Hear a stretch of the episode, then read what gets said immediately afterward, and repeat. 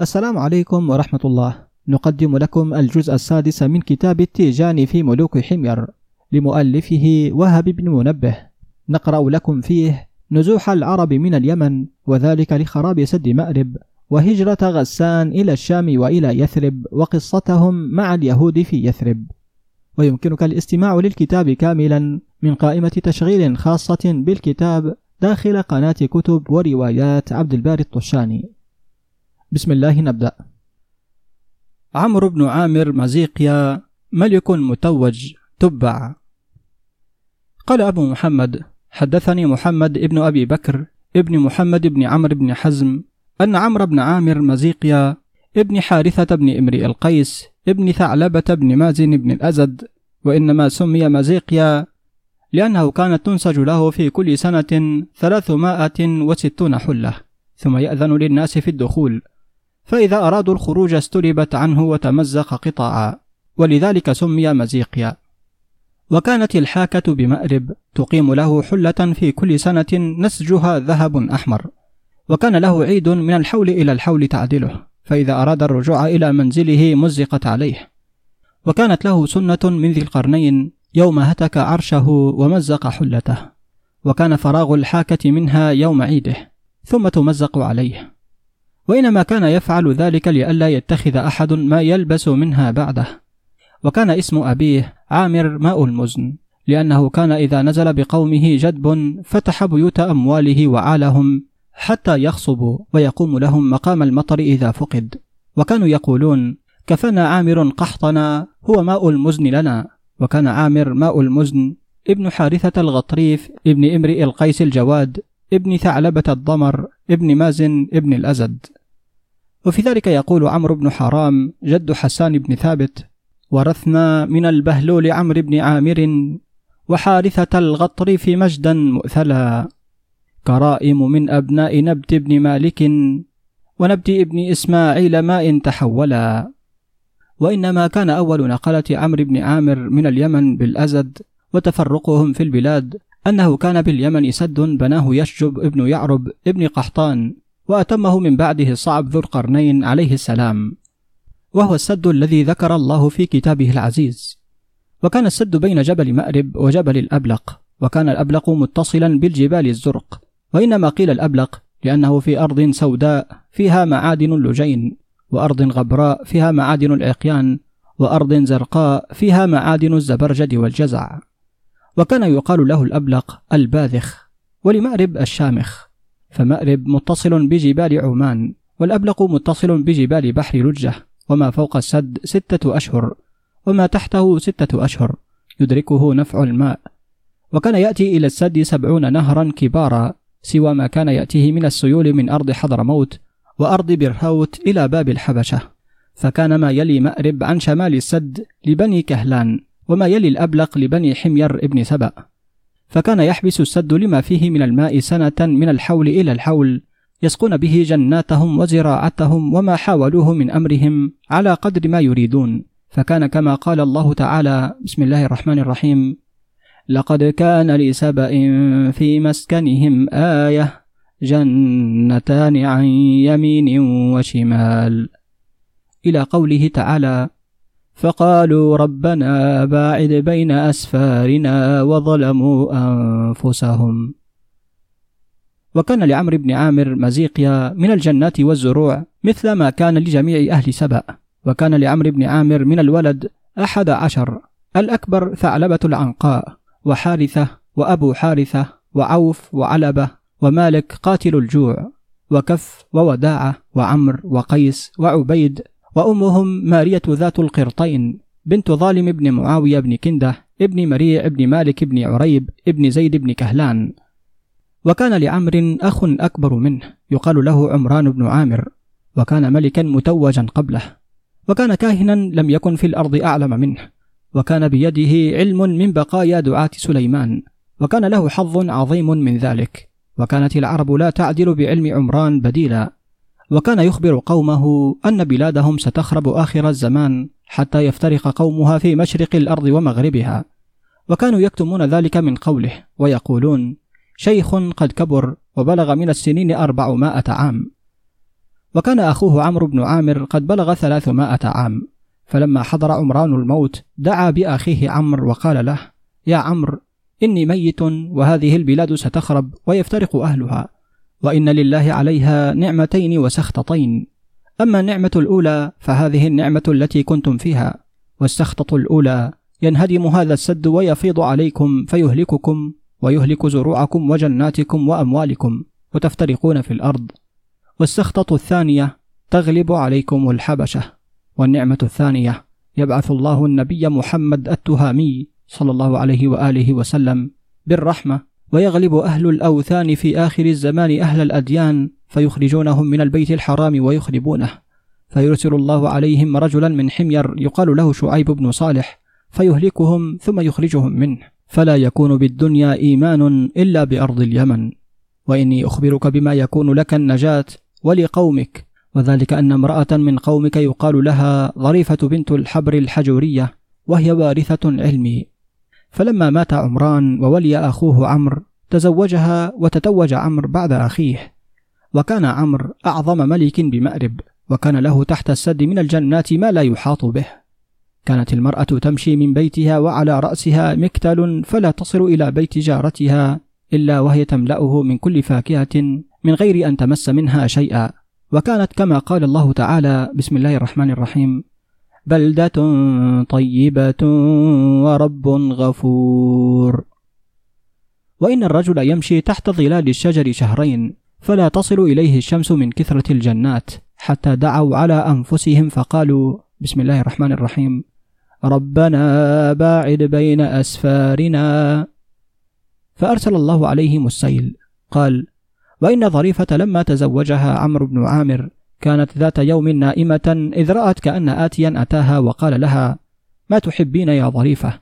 علم تطيب به نفسك أو مولود تقر به عينك. فقالت بل علم تطيب به نفسي. فجر بيده على صدرها ومسح بظاهر كفه على بطنها فعقمت فكانت لا تلد واتسعت في العلم وأعطيت منه حظا عظيما. فبينما هي ذات يوم نائمة إلى جانب عمرو بن عامر إذ رأت كأن سحابة غشيت اليمن فأبرقت وأرعدت فلم تقع على شجر إلا أحرقته. فذعرت ذعرا شديدا فقام إليها عمرو وقال لها ما لك يا ظريفة؟ فقالت أزف بكم الغرق وأتاكم من الأمر ما قدر وسبق.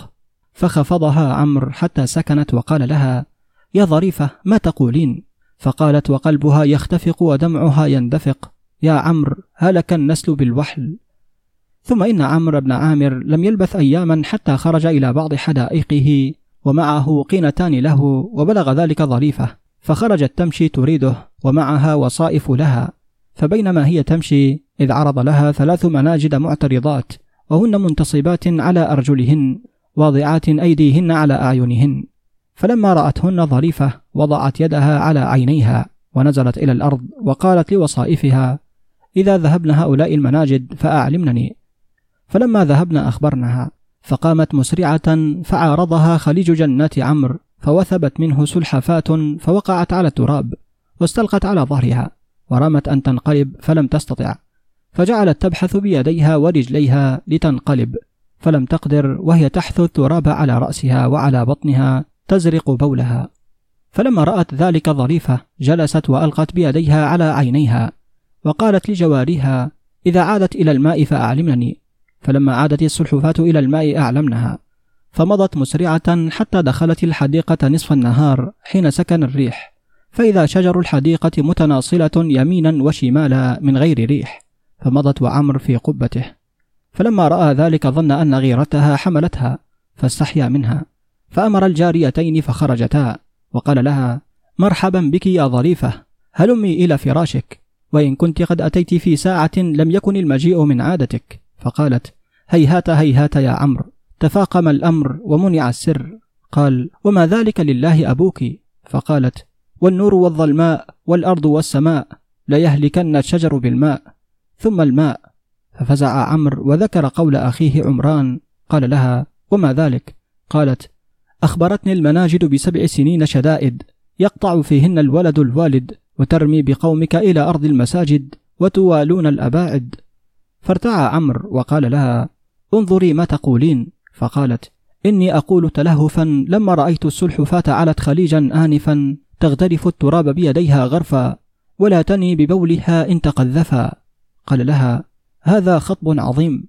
فقالت إن الإنسان إنسان وباللسان الحق والبيان والدهر ذو غير وألوان والصمت خير من البيان وفي باطن الأرض كتمان وفي ظاهرها إيضاح وتبيان.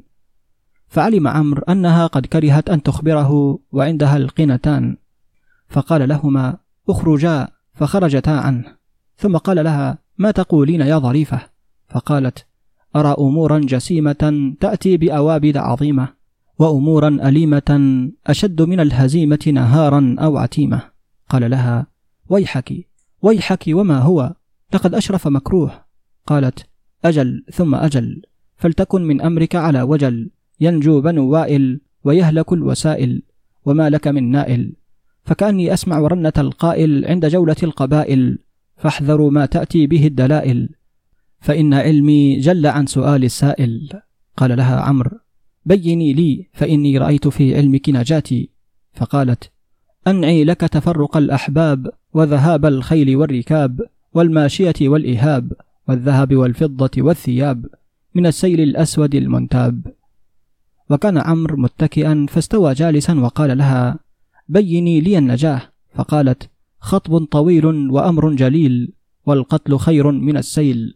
قال لها صدقت فما وجه ما تذكرين؟ فقالت أيت السد ولا تبعث أحدا فيكون ذلك آكد فإن رأيت جرذا يقلب برجليه الصخر ويكثر بيديه الحفر فاعلم أنه قد نزل الأمر فعليك بالصبر ولا تجزع للدهر. قال لها أما ترين هذا الأمر؟ قالت لا أدري غير أنه وعيد من الله نزل ونكال منه لم يكل. يقتل به من قتل لا يصرف عن سهل ولا جبل إلى حيث ما أراد الله من أرض وصل. فليكن مغيرك يا عمرو اتكل أو فلك الهبل. فانطلق عمرو إلى السد ولم يكل لغيره. وكان يحرسه حتى رأى جرذا يبحث برجليه ويقلب الصخر بيديه التي لا يقلبها أربعون رجلا. وذلك للذي أراد الله عز وجل وسبق في علمه أنه كائن. فصدق ظريفة وعلم أنها صادقة فرجع إليها مغموما فقالت له ما وراءك؟ فقال شعرا ابنة الخير والفلاح أصدقينا قد رأينا بعض الذي تعدينا قد رأينا الذي ذكرت يقينا إنما الدنيا غرور اللاعبين قد رأينا الجرذ في السد يقينا فأشيري بالذي تعلمين قالت يا عمرو إذا ظهر الجرذ الحفار فاستبدل لنفسك دارا من دار وجارا من جار فعندها تنزل الأقدار. قال ومتى يا ظريفة؟ قالت له ما بينك وبين سبع سنين؟ ينزل الأمر اليقين وتحول البنين. قال لها فكيف النجاة؟ فقالت هيهات يا ابن ماء المزن انقطع علم ذلك من كل ذي علم. ولو علم ذلك أحد لعلمته ظريفة. ولا يأتي علي يوم وليلة إلا وأنا أتوقع ذلك. قال لها وما علاقة ذلك؟ قالت أدعو بقدح من زجاج في مجلسك دون الرتاج واضرم أمامه سراج فإنه يمتلئ رملا بلا مزاج. ففعل ووضع قدحا دون رتاج مجلسه فما لبث أن امتلأ رملا والريح لا تصل إليه. ثم قالت له يا عمرو إذا رأيت الحصباء في شربك فاغتنم بيع أرضك واخرج إلى النخيل فإن رأيت سعفها يتناصل ويميل فارحل فقد آن الرحيل. وبع ما لك بمأرب من مال. قال يا بنية الحبر يضيق بذلك الصدر وما على هذا الأمر من صبر. قالت يا عمرو النجاء النجاء. من أقام غررا أساء. فاعزم ولا يخدعنك المنى. فإن العجز عاقبته البلاء وإن الجلوس غرر فالحذر الحذر. ولله الفعل والأمر. يهلك من يشاء ويذر. فاصدق نفسك ولن ينجو منه ذو ناب ولا ظفر. فكتم عمرو أمره وعزم على بيع ما كان له بمأرب من مساكن وجنات وقصور وأجمع أن يرحل بولده وإخوته وقومه وفزع أن ينكر عليه ذلك. فأمر بمائة من الإبل فنحرها وذبح البقر والغنم. وكان كثيرا ما يصنع ذلك. فأطعم ثلاثة أيام وأرسل في جميع مأرب حتى لا يتخلف عنه أحد. وكان عمرو قد أمر ولده ثعلبة العنقاء وهو أكبر أولاده وهو جد الأنصار. قال يا ثعلبة إذا أمرتك غدا بأمر فاعصني واغلظ علي في القول. فإذا ضربتك بالعنزة التي بيدي فالطمني. فقال له يا أبتي لا تساعدني يدي. قال له إن لم تفعل هلكت أنت وإخوتك وقومك. فقال له نعم. فلما اجتمع الناس أمره الملك عمرو فأبى عليه وأغلظ له في القول فضربه بالعنزة التي كانت في يده فلطمه ثعلبة ابنه. فقال عمرو في يوم مجدي يلطم خدي فيه ولدي وذلاه. ووثب الناس إلى ابنه ليقتلوه إعظاما للملك. فقال لهم عمرو لا تقتلوه فإن الرحمة سبقت له في قلبي من السخط ولكني سأبلغ منه. استطال ثعلبة وأطغاه علي المال ولكني سأعدمه وأبيع جميع مالي بمأرب تحت السد. ونذر لله نذرا ليفعلن حتى يفقر ثعلبة ويدفع الأموال إلى إخوته وينتقل من مأرب إلى غيرها ويخلف ثعلبة. فقال الناس من أهل الشرف والقوة اغتنموا من عمرو بن عامر غضبه وابتاعوا منه جميع ما كان له بمأرب. فإن هو تمادى على غضبه فقد أفدتم أموالا عظيمة. وإن هو رجع رددتم عليه أمواله وكانت لكم عنده يد فاشتروا منه جميع ماله. فلما قبض ثمن أمواله دعا بمالك بن النعمان وهو سيد الأزد بعده فأخبره الخبر ودعا بظريفة فقال لها ما عندك يا ظريفة؟ أين تريدين لنا السير؟ فقالت يا مالك بن النعمان يا ابن زيد بن كهلان أهل الفضل والبيان أرى أن تغدو من الغد ولا تقيم ساعة لوعد أمر يسير كالرعد فباعت عند ذلك الأزد أموالها وقالوا لا نتخلف عن ملكنا. فسار عمرو في الأزد وكانوا يعمرون أعمارا طوالا حتى إنه ليكون مع الرجل من ولده وولد ولده عسكر جرار. فكان كل سيد على من يليه وكان مع عمرو ثلاثة وعشرون رهطا من أولاده وأولاد أولاده وسائر ذلك. فلما اجتمعوا للسير دعا بظريفة فقال لها يا ظريفة أين تريدين لنا السير؟ فقالت فيكم الأمير وعليكم التدبير. يا أهل المجد من سبأ الممزقة سيروا لنا فلا بد لكم من فرقة يتقدمها اليسار وتعفو الآثار فتنأى الديار وتطول فيها الأسفار وتنقضي منها الأوطار. عجلوا ففي كل بلد لكم خبر. كلما لقيتم نفرا كان لكم الظفر. تتوارثون الملك بعد الملك وتلبسون التاج بغير شك وبدأ الأمر من عك. فسارت الأزد مع عمرو بن عامر وجعلوا على مقدمتهم مالك بن النعمان ابن الجلهم ابن عدي بن عمرو بن مازد الأزدي. فبينما هم يسيرون إذ قالت ظريفة يا معشر غسان أنذرتكم من هذا المكان. أنتم أهل العز والسلطان وفوارس الطعان وسيوف بني قحطان. قالوا وما ذلك يا ظريفة؟ قالت والسرابيل المحترقة التي يمشي فيها سملقة بالغدرة المعبقة. والسيوف المطبقة. قالوا وما ذلك يا ظريفة؟ فأمرينا بالسرعة إذا شئت والكف متى شئت والأمر إليك. فقالت إني أرى منكم إيضاحا ووجوها صباحا تسبق الرماح وتكثر الصياح. قالوا فأين ذلك يا ظريفة؟ فقالت سيروا إلى عك بالسيوف فلكم منهم صروف وضراب وحتوف. فزعموا أن ظريفة أول من سماهم غسان. وقيل إن غسان شرب ماز من السد. وقال حسان بن ثابت أما سألت فإنا معشر نجب الأسد نسبتنا والماء غسان. وقد اختلف الناس في غسان فقالوا هو ماء لبني زبيد نزل عليه بنو ماز فسموا به. وقال قوم هو ما بين الجحفة والمشلل نهر يسمى غسان فنزلوا عليه فغلب عليهم اسمه. وقال أكثر العلماء أنه شربهم من السد وعلى هذا عامة العلماء. وغسان هم بنو مازن بن الأزد خاصة وهذا وفق الأحاديث لأنه شرب لبني مازن من سد سبأ. فلما انتهوا إلى عك أرسل الملك عمرو بن عامر إلى سملقة بن حباب العكي يسأله في النزول في أرضهم قليلا ثم يرتحلون عنهم إلى أرض غيرها. وإن سملقة سيد عك دعا قومه فقال لهم ما ترون أن الملك عمرا قد أرسل إلي؟ وقال ما ترون إن الملك عمرا قد أرسل إلي وقال إنا قدمنا بلادكم وأردنا المقام يسيرا مقام الزيارة فواسونا قليلا حتى نرحل عنكم. فما ترون في بني عمكم وقد سألوكم حسن الجوار يسيرا وقد كرهوا أن ينزلوا أرضكم بغير رضا منكم ولا إذن. فقالت عك ذلك إليك يا سملقة. غير أنه ما نزل قط قوم على قوم وعرفوا وجوه أرضهم فوطئوها إلا كانت لهم الغلبة عليهم. وقد قال يعرب بن قحطان ويل للمنزول عليه من النازل. المنزول عليه يلين الجوار والنازل مع ذلك متطول. فقال سملقة ليس هذا من فعل عمرو بن عامر لأنه ملك. سيروا إليه بأسركم فإنه أقرب إليكم رحما وأعظم عندكم منزلة من أن يفعل بكم هذا. قالوا له امضي أنت وافعل ما أحببت.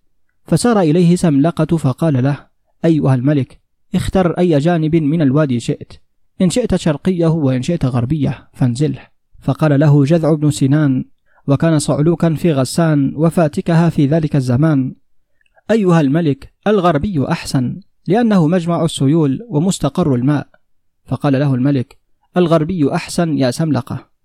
فنزل عمرو في غربي الوادي بمن معه وبعث ابنه حارثة رائدا مع رواد في خيل يرتادون له منزلا. وبعث ابنه الحارث في جهة أخرى بخيل يرتادون له منزلا. ثم نحر الملك عمرو وأمر بالطعام ونادى إلى عك فأجابوه إلى طعامه فأحسن إليهم وحملهم وأعطاهم. وإن عمرا بن عامر اعتل فمات قبل أن يرجع إليه ابناه واستخلف ابنه ثعلبة العنقاء في قومه. وأقام ثعلبة ينتظر أخويه المرتادين. قال ونزل عند بني حارثة بن عمرو ونزل عند بني حارثة بن عمرو بن عامر وهم رهط جذع بن سنان رجال من الجن وفيهم قاشر الجني. فلما جلسوا حلبوا لهم اللبن وشربوا فقال لهم قاشر الجني يا معشر غسان ما بال لبنكم؟ ليس كلبن بني عمكم عك لبنكم مالح مصرح رقيق ولبن بني عمكم غليظ دسم. قالوا له لا ندري لم ذلك. قال لهم قاشر الجني نحن أعلم بذلك منكم. إنما أتيتم في أموالكم ومواشيكم من قبل الأرض وذلك أن بني عمكم أنزلوكم غربي الوادي وأسفل النهر ومستقر السيول. فمواشيهم تشرب صفو الماء ثم تسرح في غربي الوادي وتستدبر الشمس بظهورها. فتسخن متونها وتنزل ضروعها وإذا طلعت الشمس طلعت مكانها. فأصابت الكلأ قد أطعم نواره وذاب جليده وشرب نداه أصله فاشتد نباته وزكى طعمه. قال ونزلتم يا معشر غسان في غربي الوادي وأسفله فأنعامكم تشرب كدر الماء وتسرح شرقي الوادي وتستقبل الشمس بأبصارها فتكل عن البذر وتضعف أبدانها وتستبدر الريح بظهورها فتبرد متونها وتنكمش ضروعها. وإذا طلعت الشمس فلا تبلغكم إلا بعد ارتفاعها. فكلاكم ظليل أبدا لا يبرز زهره ولا يشرب نداه أصله. فمن ثم لبنكم رقيق مالح. فكلموا بني عمكم يعاقبوكم من أرضهم قبل أن تهلك أنعامكم. قال فعند ذلك بعثت غسان إلى عك أعقبونا من المنزل ولا تستأثروا علينا هذه الأثرة كلها. فقالت عك يا قومنا الأرض أرضنا. وإنما أنتم ضر علينا.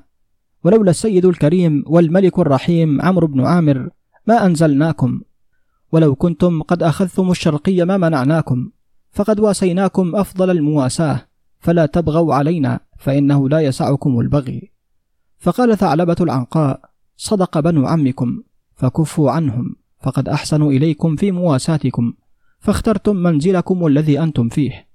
فلا تجعلوا لهم ذنبا لم يذنبوه إليكم ولا ذنب لهم ولا تبغوا عليهم وهذا منكم بغي. فقام جذع بن سنان وهو أعور وأصم فقال صدقت أيها الملك.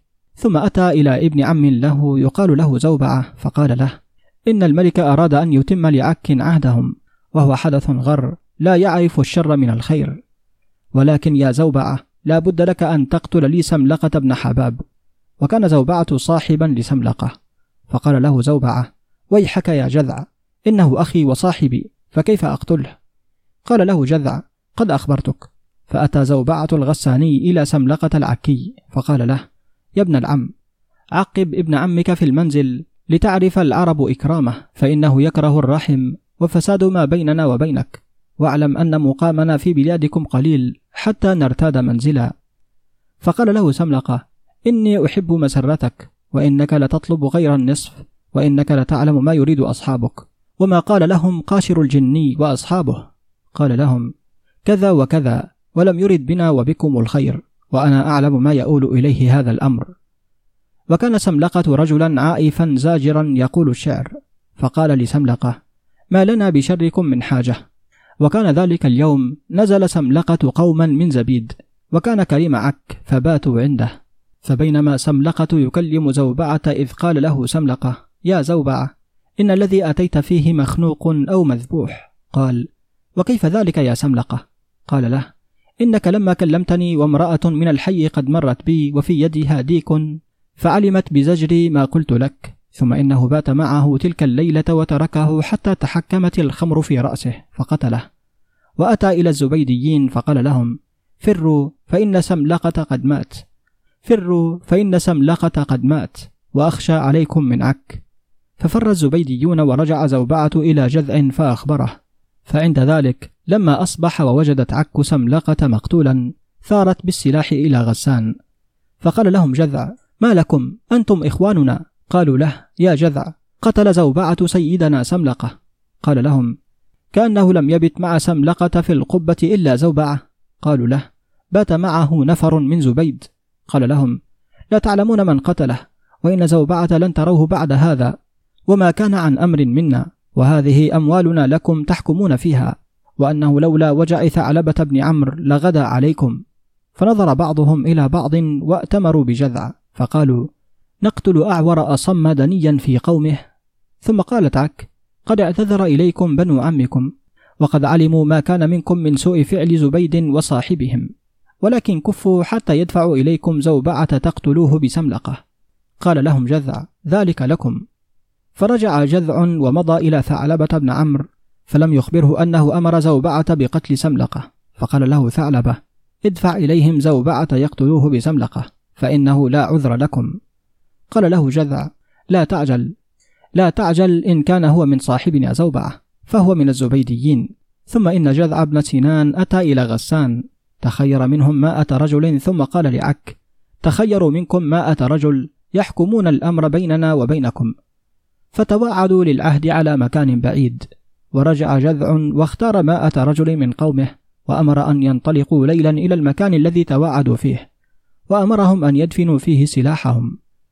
فلما أصبحوا قال لهم جذع يا معشر غسان أصحابكم لن يغدوا حتى يروكم فاغدوا في رفيع الثياب. ففعلوا وتعرضوا دون السلاح. فلما رأوا ذلك عك اطمأنوا وخرج منهم مائة رجل من أشرافهم بمثل ذلك الزي. وقد كان جذع قال لأصحابه احبسوهم بالأحاديث واضربوا لهم الأمثال حتى يحمى الهجير وتعلو الشمس ويدخل جميع عك فإذا لوحت لكم بثوبي فعليكم بالسلاح. ففعلوا ذلك وقتلوهم حتى أبادوا المائة رجل. ونظر رجل من عك يقال له يزيد بن زياد إلى قتلهم فنادى يا آل عك غدرتم في أصحابكم. فأقبلت إليه عك على الصعب والذلول وتداعت غسان فاقتتلوا قتالا شديدا حتى انهزمت غسان ووقعت عك في الغنائم. فلما ملأوا أيديهم وانصرفوا تبعتهم غسان فقتلوهم حتى أمعنوا هاربين في الأرض وخلوا منازلهم. فنادى جذع في أصحابه ارفعوا السيف. فلا حاجة لنا في من بقي من عك ولا تقربوا غنائمهم وعيالاتهم. وحال بينهم وبين ذلك ثعلبة بن عمرو وقال إياكم وبنات عمكم. فقال المقنع العكي حين انهزمت غسان غسان غسان وعك عك والأشعريون رجال ضنك والقوس فيها وتر وعنك والنبل كالنيران صفر سك والمشرفيات لنا والدلك. والخرد العين لنا والمسك سيعلمون أينا الأرك. فلما كرت غسان عليهم وهزمتهم أنشأ جذع بن سنان يقول نحن بنو مازن فينا الملك سيدفع الأبطال عنا الشك. سيعلمون من هو الأرك إذا التقينا والمكان ضنك. غسان غسان وعك عك ليس لكم من البلا مفك. قال فعظم على ثعلبة بن عمرو غدر عك ولم يجد سبيلا ومالت قبائل غسان مع جذع فقال ثعلبة لا خير لنا في المقام مع عك بعد غدرنا بهم. فقال جذع أوطنوا أرض عك يا آل غسان. فأرسلت عك إلى الملك ثعلبة وقالت له أعطنا عهد الملك. فتشاءم ثعلبة بجذع وأتى إلى ثعلبة إخوته المرتادون فأخبروه عن أرض همدان وخصب أرضهم ومراعيهم. فدعا بظريفة فقال لها ما ترين؟ فقد جاء بنوك بخير وبخصب أرض همدان وقد أسأنا جوار عك وكرهت المقام فيهم وأردت المسير إلى همدان فما ترين؟ قالت أما عك أهل المكر فقد أرسلتم عليهم الأمر نقمة من نقم الدهر وأما أرض همدان فقد أعلمتكم بها منذ زمان. ثم قالت والشهاب والفلك والنظارة والوعك ليتخلفن منكم حيان في عك ويملكنهم أيما ملك وليدالن عليهم بالدك. فساروا إلى همدان وتخلف منهم حيان عنس وبولان فانتسبوا في عك إلى الآن. فقيل عنس وبولان ابنا أصحاب ابن عك وإنما عك وبولان أصحاب الحارث بن مازن ابن الأزد. فبينما هم في مسيرهم إذ قالت ظريفة لغلام لها يقال له سنان يا سنان بشر الأزد غسان من ولد الأغر كهلان بالنصر على همدان والملك إلى زمان. فلما انتهوا إلى بلاد همدان كلمهم الملك ثعلبة العنقاء ففزعوا أن يكون منهم إليهم ما كان منهم إلى عك بن عدنان بعد المواساة والإحسان. قاموا عليهم فناصبوهم إلى القتال فاقتتلوا قتالا شديدا بموضع يقال له البطحاء فانهزمت همدان ورحلوا عن بلادهم وأموالهم. فقال ثعلبة بن عمرو لا تمسوا شيئا من أموالهم فانظروا إلى موضع من بلادهم ترضونه فانزلوه إلى أن تروا مكانا وترحلون عنهم. فإنا لا نريد الإقامة في بلادهم وهم كارهون. وأحسنوا جوار من رجع منهم. ثم بعث إلى همذان هلموا إلى أموالكم وبلادكم فإنا لا حاجة لنا فيها. فرجعوا فقالوا لهم يا قومنا وقعت بيننا وبينكم قتلى كانت حياتهم خيرا لنا ولكم من موتهم وليس بد من المقدور. فاطمأنت همدان ورجعت إلى منازلها واصطلحت مع غسان. وقال ثعلبة لهمدان يا قومنا نريد أن نرحل عنكم. فقالت همدان أيها الملك سخطنا قدومك وأساءتنا رحلتك فما أحسن الفرقة قبل المعرفة وأحسن الاجتماع بعد الفرقة? ثم إن ثعلبة وغسان رحلوا وتخلف في بلاد همدان بنو وادعة بن عمرو فأحسنت همدان جوارهم وملكوهم على أنفسهم. وأسندوا إليهم أمورهم حتى دعاهم ذلك إلى أن انتسبوا إليهم. فقيل وادعة بن عمرو ابن جشم بن حاشد بن همدان. فلما أجمعوا للمسير دعا ثعلبة ظريفة فقال لها يا ابنة الخير أين ترين وجه السير؟ فقالت والبرق والبيان والذهب والعقيان لتحار ابن الفرسان ولتلقون خيلا ذات أسنان ذوي أسل وأبدان وصفائح الإيمان. فقدموا إلى أهل بنجران فعليكم بنجران. فلما أتوها لقيهم مذحج سعد العشيرة فقاتلهم حتى حال بينهم الليل. فلما هدأ الناس نادت ظريفة في جوف الليل يا بني عمرو بن عامر يا عظام المنابر قد جرى لكم خير طائر. فإذا أضاء صبح وأصبح واعتلج الليل وبرح فطوبى لمن أفلح ونظر في أمره وأصلح. فلما أصبح غدوا إلى مذحج فقاتلوهم قتالا شديدا. فانهزمت قبائل مذحج ووقعت بينهم قتلى. ثم تصالحت غسان مع مذحج وانتسبت في مذحج من غسان بنو زيد بن الهبور وصاروا معهم إخوة. فيقال إلى اليوم بنو زيد بن الحارث بن كعب بن عبيد بن خالد بن مالك. ثم أجمع ثعلبة على المسير فقال لظريفة أين ترين لبنيك المسير؟ فقالت نحو السرات عجلوا الرحيلا. لا تجعلوا من دونها بديلا. أصبح وجه الأمر مستحيلا. ثم قالت يا ثعلبة من هذا المكان أحكم بالبيان. امضوا الآن مسرعين ويتخلف منكم حيان. فمن كان منكم ذا هم بعيد ومراد جديد وحمل شديد فليأت كابر وليد وقصر عمان المشيد. فكانت هذه نصر الأزد. فسار من سار إلى عمان من الأزد وكان الذين تحملوا إلى عمان بنو نصر ابن الزيد. هم أهل بيت عمرو بن الخليل بن البكير وسار بهم رئيسهم خيوان بن سالم ابن ناهد بن عمرو بن نصر ابن الأزد فنزلوا عمان والبحرين. ثم قالت يا ثعلبة من كان منكم ذا هم أمدا وخيل أدكن فليلحق أرض شنأ. فكانت هذه صفات أزد شنوءة فلحق بهم عون بن عدي بن حارث بن عمرو وهؤلاء أزد شنوءة. ثم قالت يا ثعلبة من كان منكم ذا حاجة وأسر وأنات وصبر على أزمات الدهر فلينزل الأراك من بطن مر. فكانت هذه صفة خزاعة. فسارت خزاعة حتى نزلوا ببطن مر. ثم قالت من كان منكم ذا رمح نجل وسيف نصل ورأي جزل وقول فصل يريد صدق القول. والراسيات في الوحل المطعمات في المحل يعلم بعد الجهل وينصر خاتم الرسل. فلينزل بيثرب ذات النخل وهي المدينة المنورة. فنزلت بها قبيلتان الأوس والخزرج أهل الوجوه الوضية والأنفس الرضية والمناقب السنية.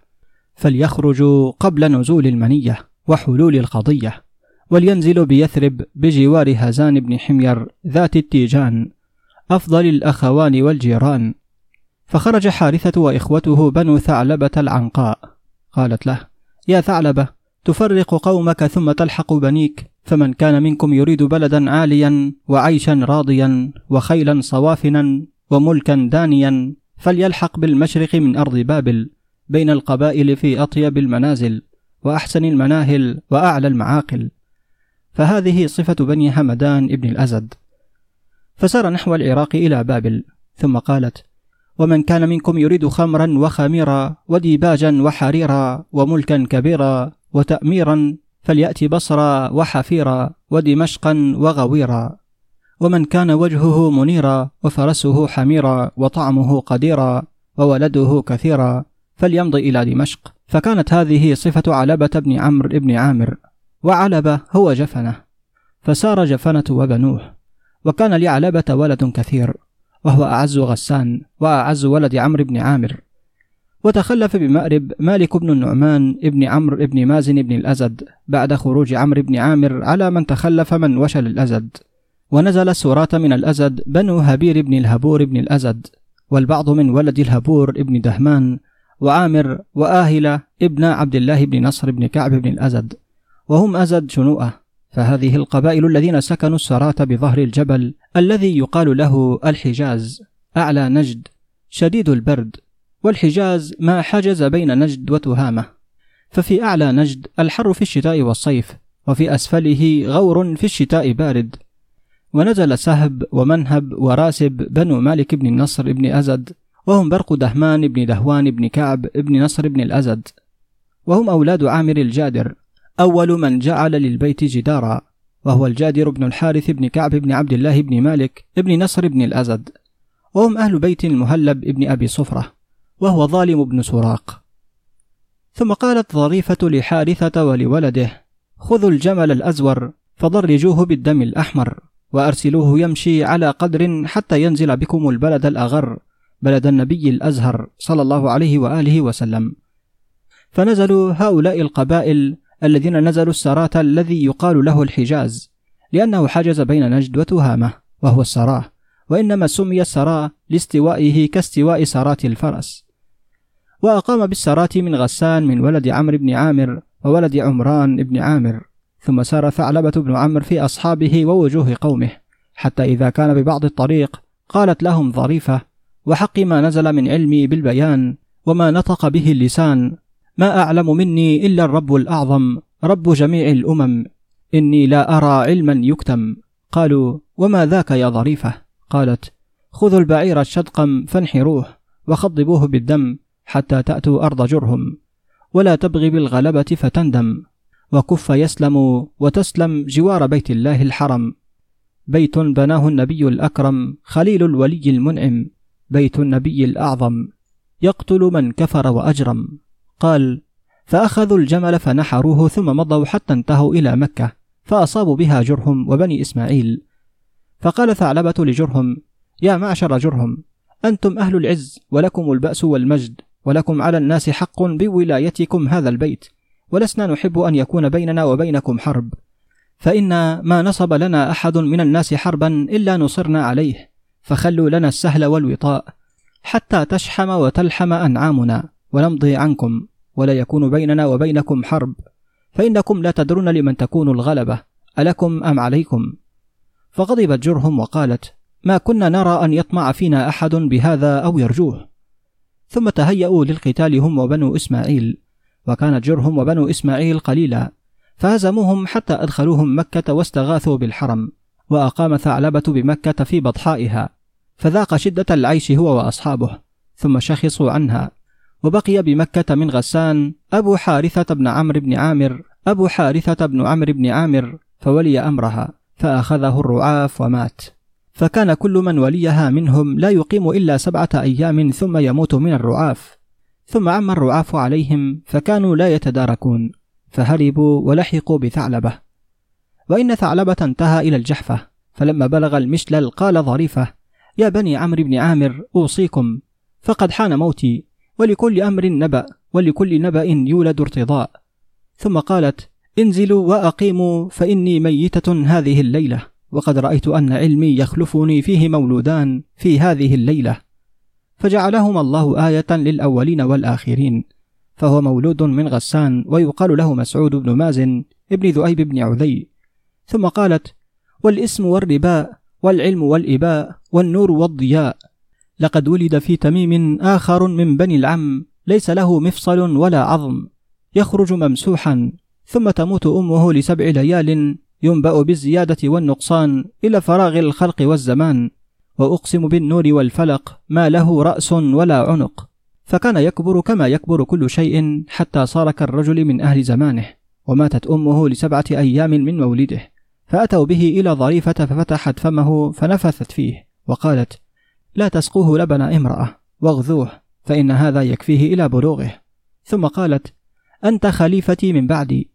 ثم قالت أقسم بالله يمين الحق ليأتين مثل هذا شق يعلم ما جل وما دق له يد واحدة ورجل واحدة وآية الله عليه شاهدة يعلم ما خفي وما ظهر ينبئ بالحق عند تصديق الخبر فأتوها به فتفلت في فمه وقالت له أنت خليفتي من بعدي ثم قالت يا ثعلبة إذا جاوزت الحجر والمقام فانزلوا على الأعلام من أرض الشام فإذا أتاك الملك الأعجم في الجحفل العرمرم فقوموا عند انصرام الليل الأدهم فالتمسوا امرأة في جيبها إرقم فقلدوها الحرب الأصم.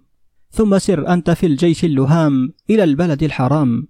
ثم قالت إن ابنة الخير لها أعجوبة وميتة تقضي لها مكتوبة يؤدي بها في ليلة العروبة. فماتت ليلة الجمعة في عقبة الجحفة وقبرها هناك مشهور. وإن عمرو بن ربيعة بن حارث بن عمرو بن عامر نزل مكة فاحتفر فيها بئرا وسماها غسان. وخزاعة من بني عمران الكاهن ولما تخزعت خزاعة قال فيهم عمرو بن أنيف الغساني ولما هبطنا بطن مر تخزعت خزاعة منا في بطون كراكري حمت كل واد من تهامة واحتمت بيض القنا والمرهفات البواتر ولما نزلت أزد شنوء السرات وجدوا بها امرأة من قوم عاد بن قحطان فقالت لهم إني بقية من قوم عاد وأنا أعلم بالبلاد منكم فاحملوني على بعير وسيروا بي أخبركم عن الأراضين. فحملوها على بعير فلم يستقل بها فقالوا لها ما نجد بعيرا يحملك؟ فقالت هل من ناقة هبراء؟ فحملوها عليها فسارت بهم حتى أتت أرضا تسمى طرب فقالت هذه طرب حجرها ضر وجبلها وعر يلقى الراعي بها شر. ثم خرجت بهم حتى أتت كراء فقالت هذا كراء هذا كراء مرملة قاتلة للنساء. ثم سارت إلى بيشة فقالت منزلة خربة آمنة مانعة. فنزلت الأزد بهذه المنازل كلها. فقال لها رجل يومئذ أي القسي خير. قالت أما السدرة فإنها مذرة هذرة ولكن عليك بالنبع فإنه أصلب عند تقارب النزع وإياك والشريان فإنها قسي الصبيان. ثم ساروا عنها وتركوها بالوادي فقامت أزد شنوء بالسرات وسارت منهم قبائل إلى عمان.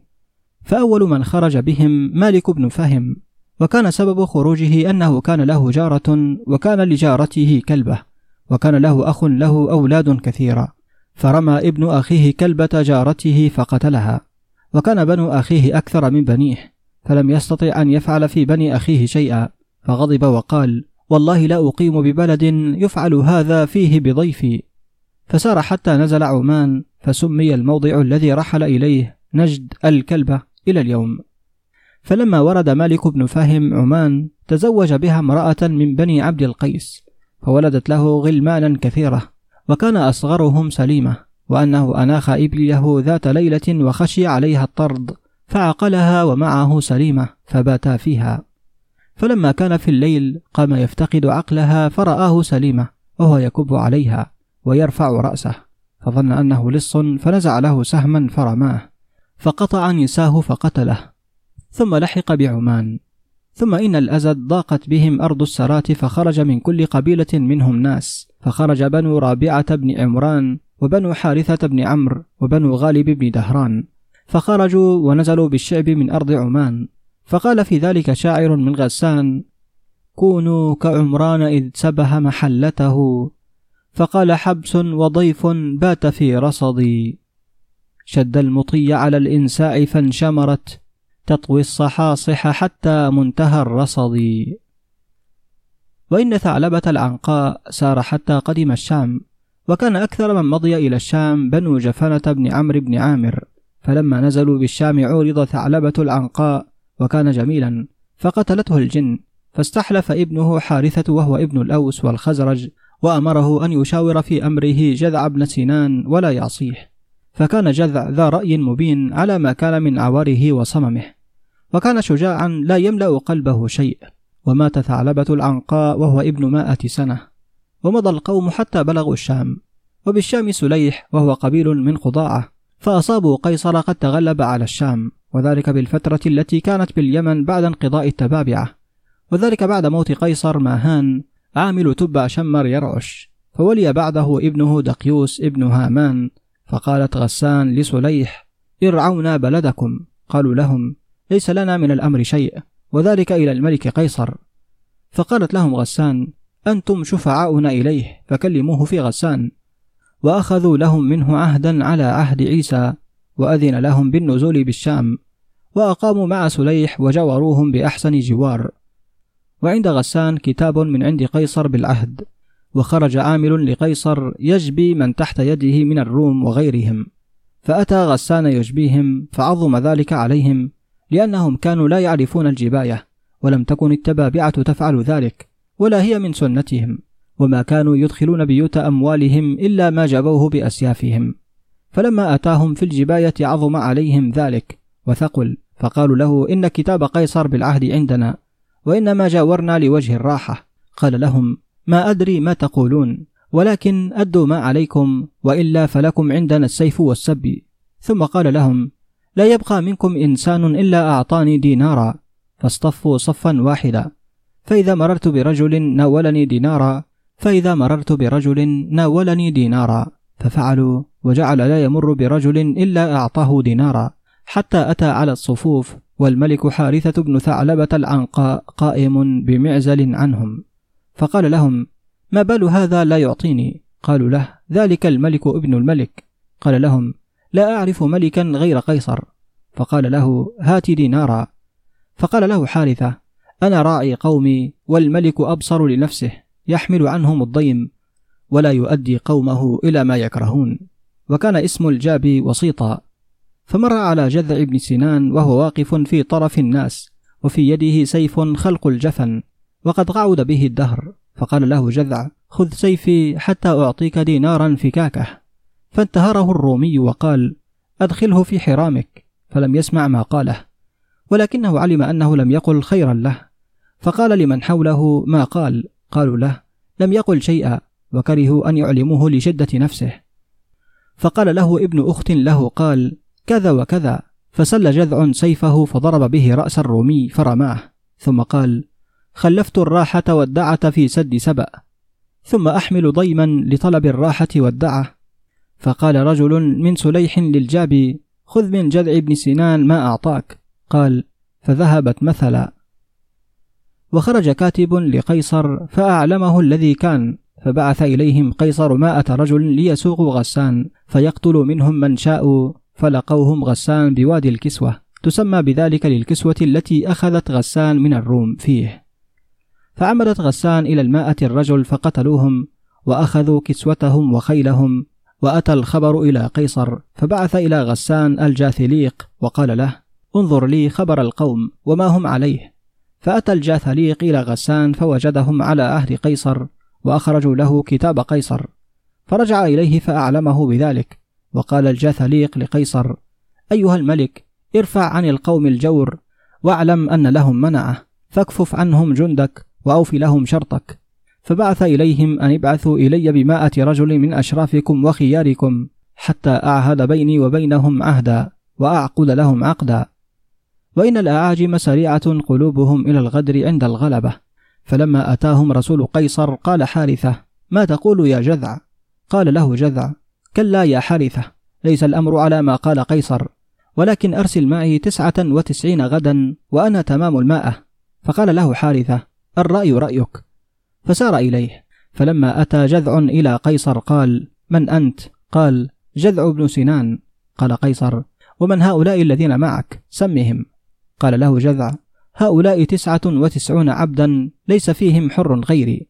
وأما على أن يأتيك خيارنا ووجوهنا فتفعل بهم بأمرك فلا. فافعل خيرا إن أردته. وإن كان شرا قتلت تسعة وتسعين عبدا وقتلتني شيخا أعور أصم. فلما رأى قيصر ذلك وأنه لم ينل حاجته شاور أصحابه وقال لهم ما ترون؟ فقالوا له إذا لم تنل حاجتك فأعط هذا الكلب الأصم حاجته. فقال له قيصر ما حاجتك؟ فقال له جذع إن في نفسك منا شيئا لا بد لك منه ومقامنا معك غرور وأنت ملك تقدر أن تقول فتفعل وإذا قدر الأعجمي فعل ونحن العرب نقدر ونترك لطفا ورأفة. فقال قيصر أسمعتم ما لقيني به هذا الكلب الأعمى؟ قال له رجاله أتذر الحب العالم لمن يريد أن يذبحه قاتل؟ فقال له جذع اكتب لي كتابا بالصلح بيني وبينك وأعطنا فيه ذمة إبراهيم وإسحاق وتفي بالكتاب الأول الذي قد كنت كتبت لنا. ولا تمنع منا من أراد الدخول في بلدك ولا من أراد الخروج ولا تمنعنا مرعا نرعاه. ولا يأتينا عدو إلا كانت عساكرك أنصارنا. ولا يظلمنا ظالم إلا نصرتنا والمواساة منك بالعدل. فأعطاه ذلك وكتب له كتابا وأرسله إلى عامله وأرسله العامل إلى حارثة وقال لهم لكم العدل المقام متى شئتم والرحيل متى شئتم.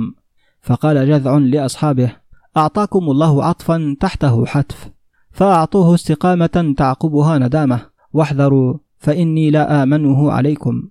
إنما أراد أن يسكنكم حتى تسكنوا ثم يفاجئكم بغدره كأن قلبه لكم كالمرجل وإني والله ما التقى بصره وبصري حتى رأيت العداوة في نظره. وبعد ذلك فإن ظريفة قد وصفت لكم من يقيم بأرض الشام وما تلقون من حروبهم وإنهم بنو علبة بن عمرو وهم بنو جفنة. فأقيموا وقد وصفت من يلحق بيثرب فإنهم يا حارثة بنوك وبنو بنيك. فأطيعوني فما زلت لكم ناصحا. فقال له حارثة صدقت يا جذع. فسار حارثة وبنوه الأوس والخزرج للوصف الذي قد كانت ظريفة وصفته لهم. وأقام بنو جفانة ومن أقام معهم من إخوانهم من بني عمرو بن عامر وغيرهم من قبائل الأزد فدخلوا في نسب بني جفنة. وهم بنو قيس بن جفنة وعمرو بن جفنة وعامر بن جفنة وجبلة بن جفنة وأولادهم. وتقدم حارثة بن ثعلبة العنقاء إلى يثرب وقدم عمرو بن جفنة على قومه وإخوته وبني عمه بالشام وانصرف حارثة إلى يثرب.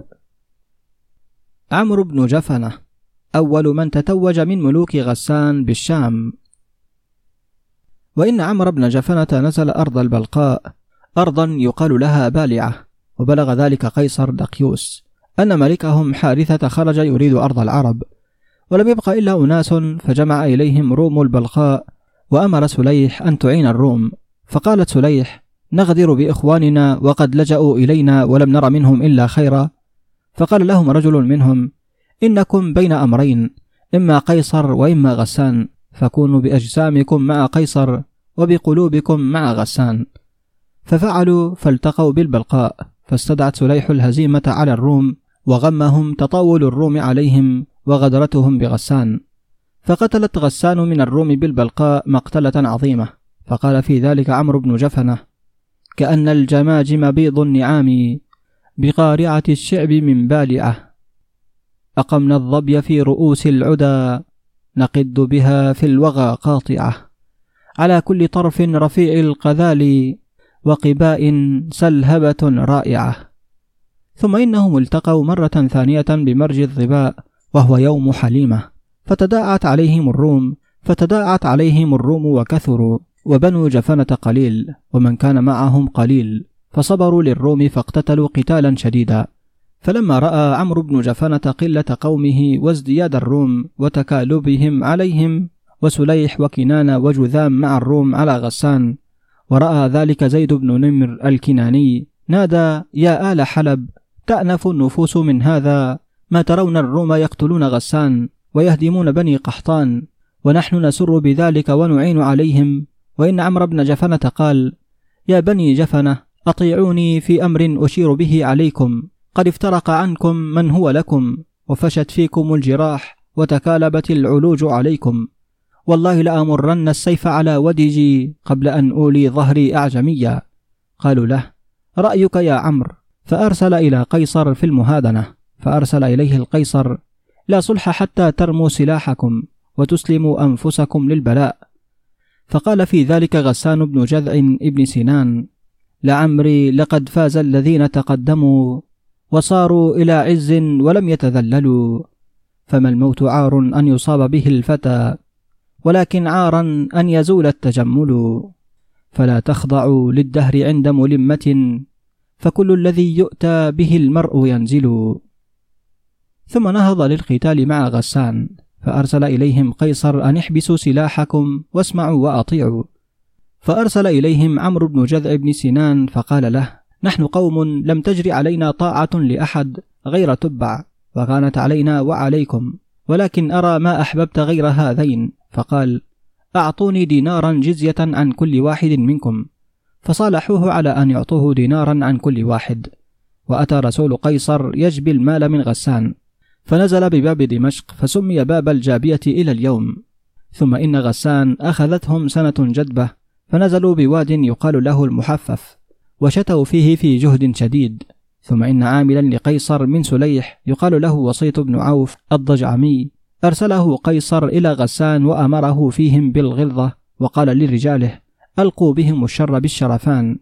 كان شرا كان برؤوسهم وإن كان خيرا فلنا. وإن وسيطا أتى غسان ليستوفي منهم الإتاوة في أصحابه ومعه نفر من الروم ومن وجوه روم الشام فجمع وسيط الإتاوة حتى انتهى إلى دار جذع بن سنان فوجدوه وامرأته تغسل رأسه وفي رأسه شيب كثير فضحكت الروم وعلم ذلك جذع وأسره في نفسه.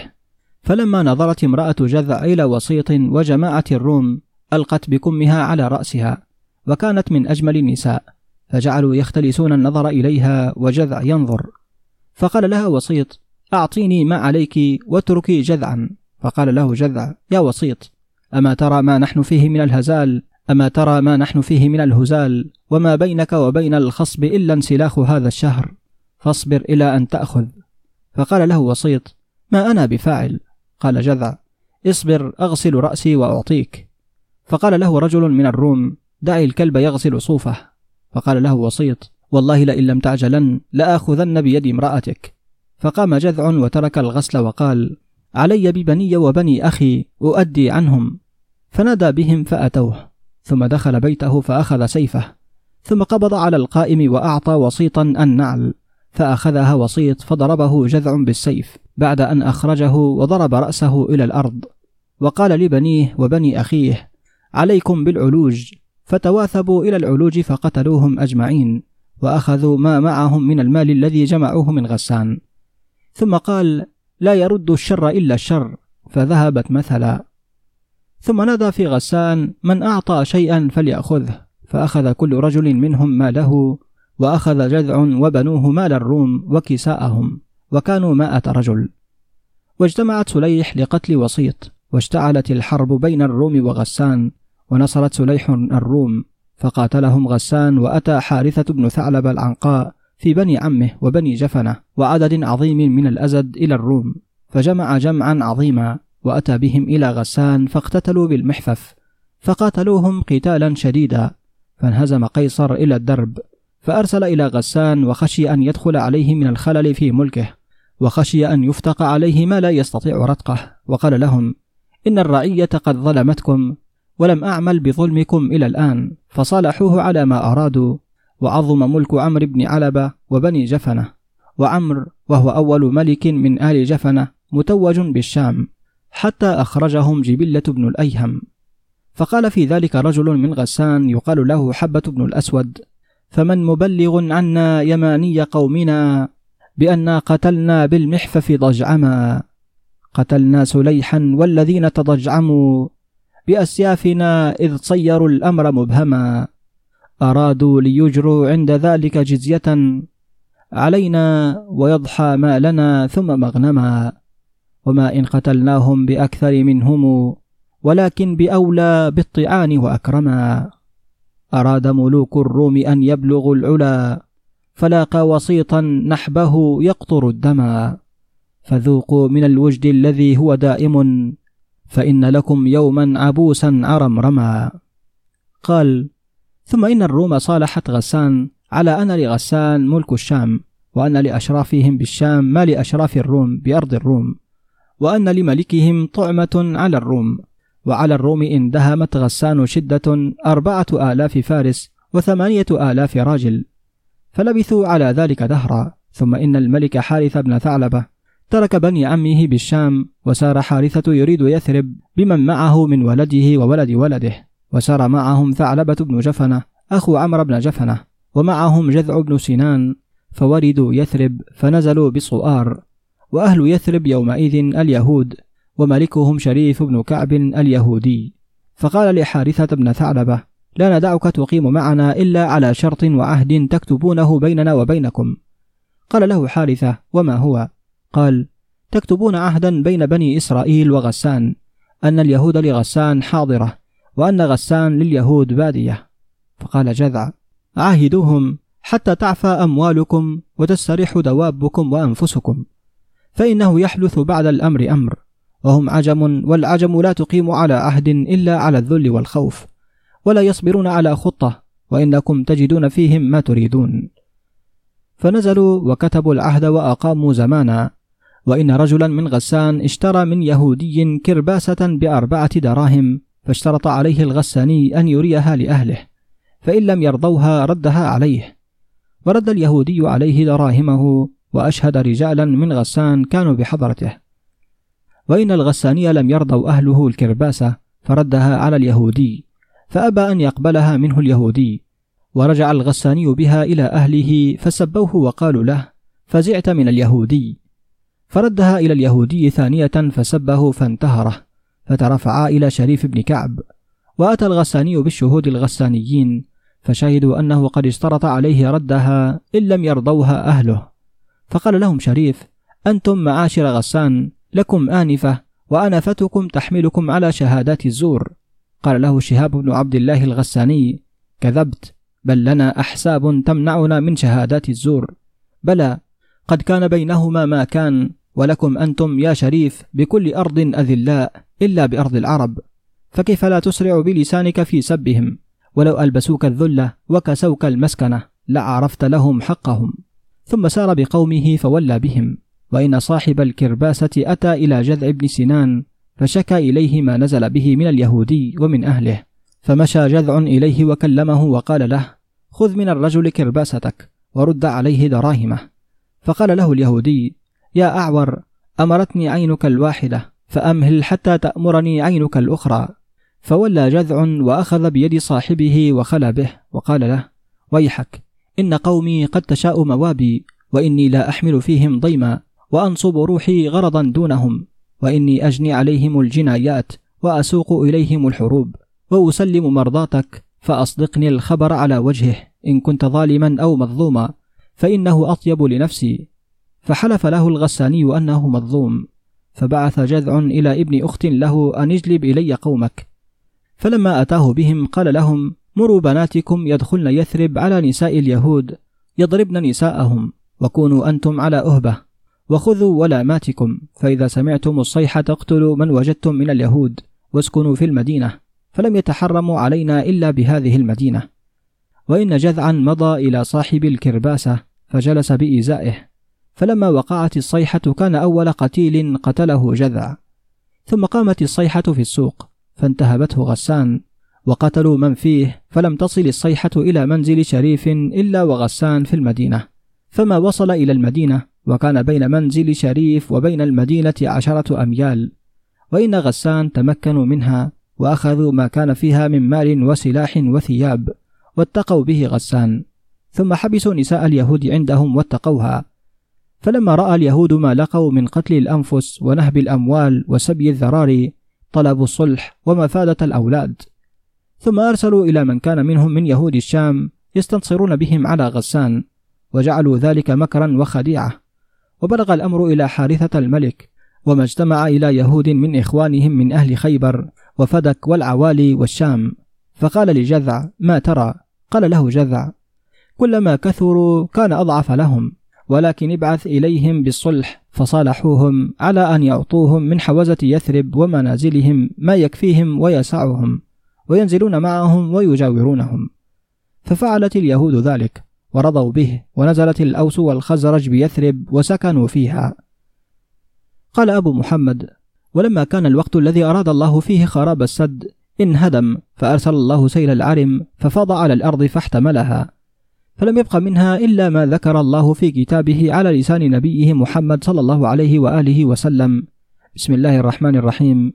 لقد كان لسبأ في مساكنهم آية جنتان إلى قوله تعالى وقد قال في ذلك كثير من العرب الأخبار والأشعار. قال الأعشى وفي ذاك للمؤتس أسوة بمأرب عفى عليها العرم. رخام بناه لها حمير إذا جاء دفاعه لم يرم. فأروى الزروع وأعنابها على سعة مائهم إذا قسم. فساروا أيادي لا يقدرون منها على شرب طفل فطم. وقد ذكرته العرب في أخبارها وأشعارها في مواضع كثيرة. هنا ننتهي من قراءة الجزء السادس من كتاب التيجان في ملوك حمير لمؤلفه وهب بن منبه. قرأه عليكم عبد الباري الطشاني. ويمكنك الاستماع للكتاب كاملا من قائمة تشغيل خاصة بالكتاب داخل قناة كتب وروايات عبد الباري الطشاني.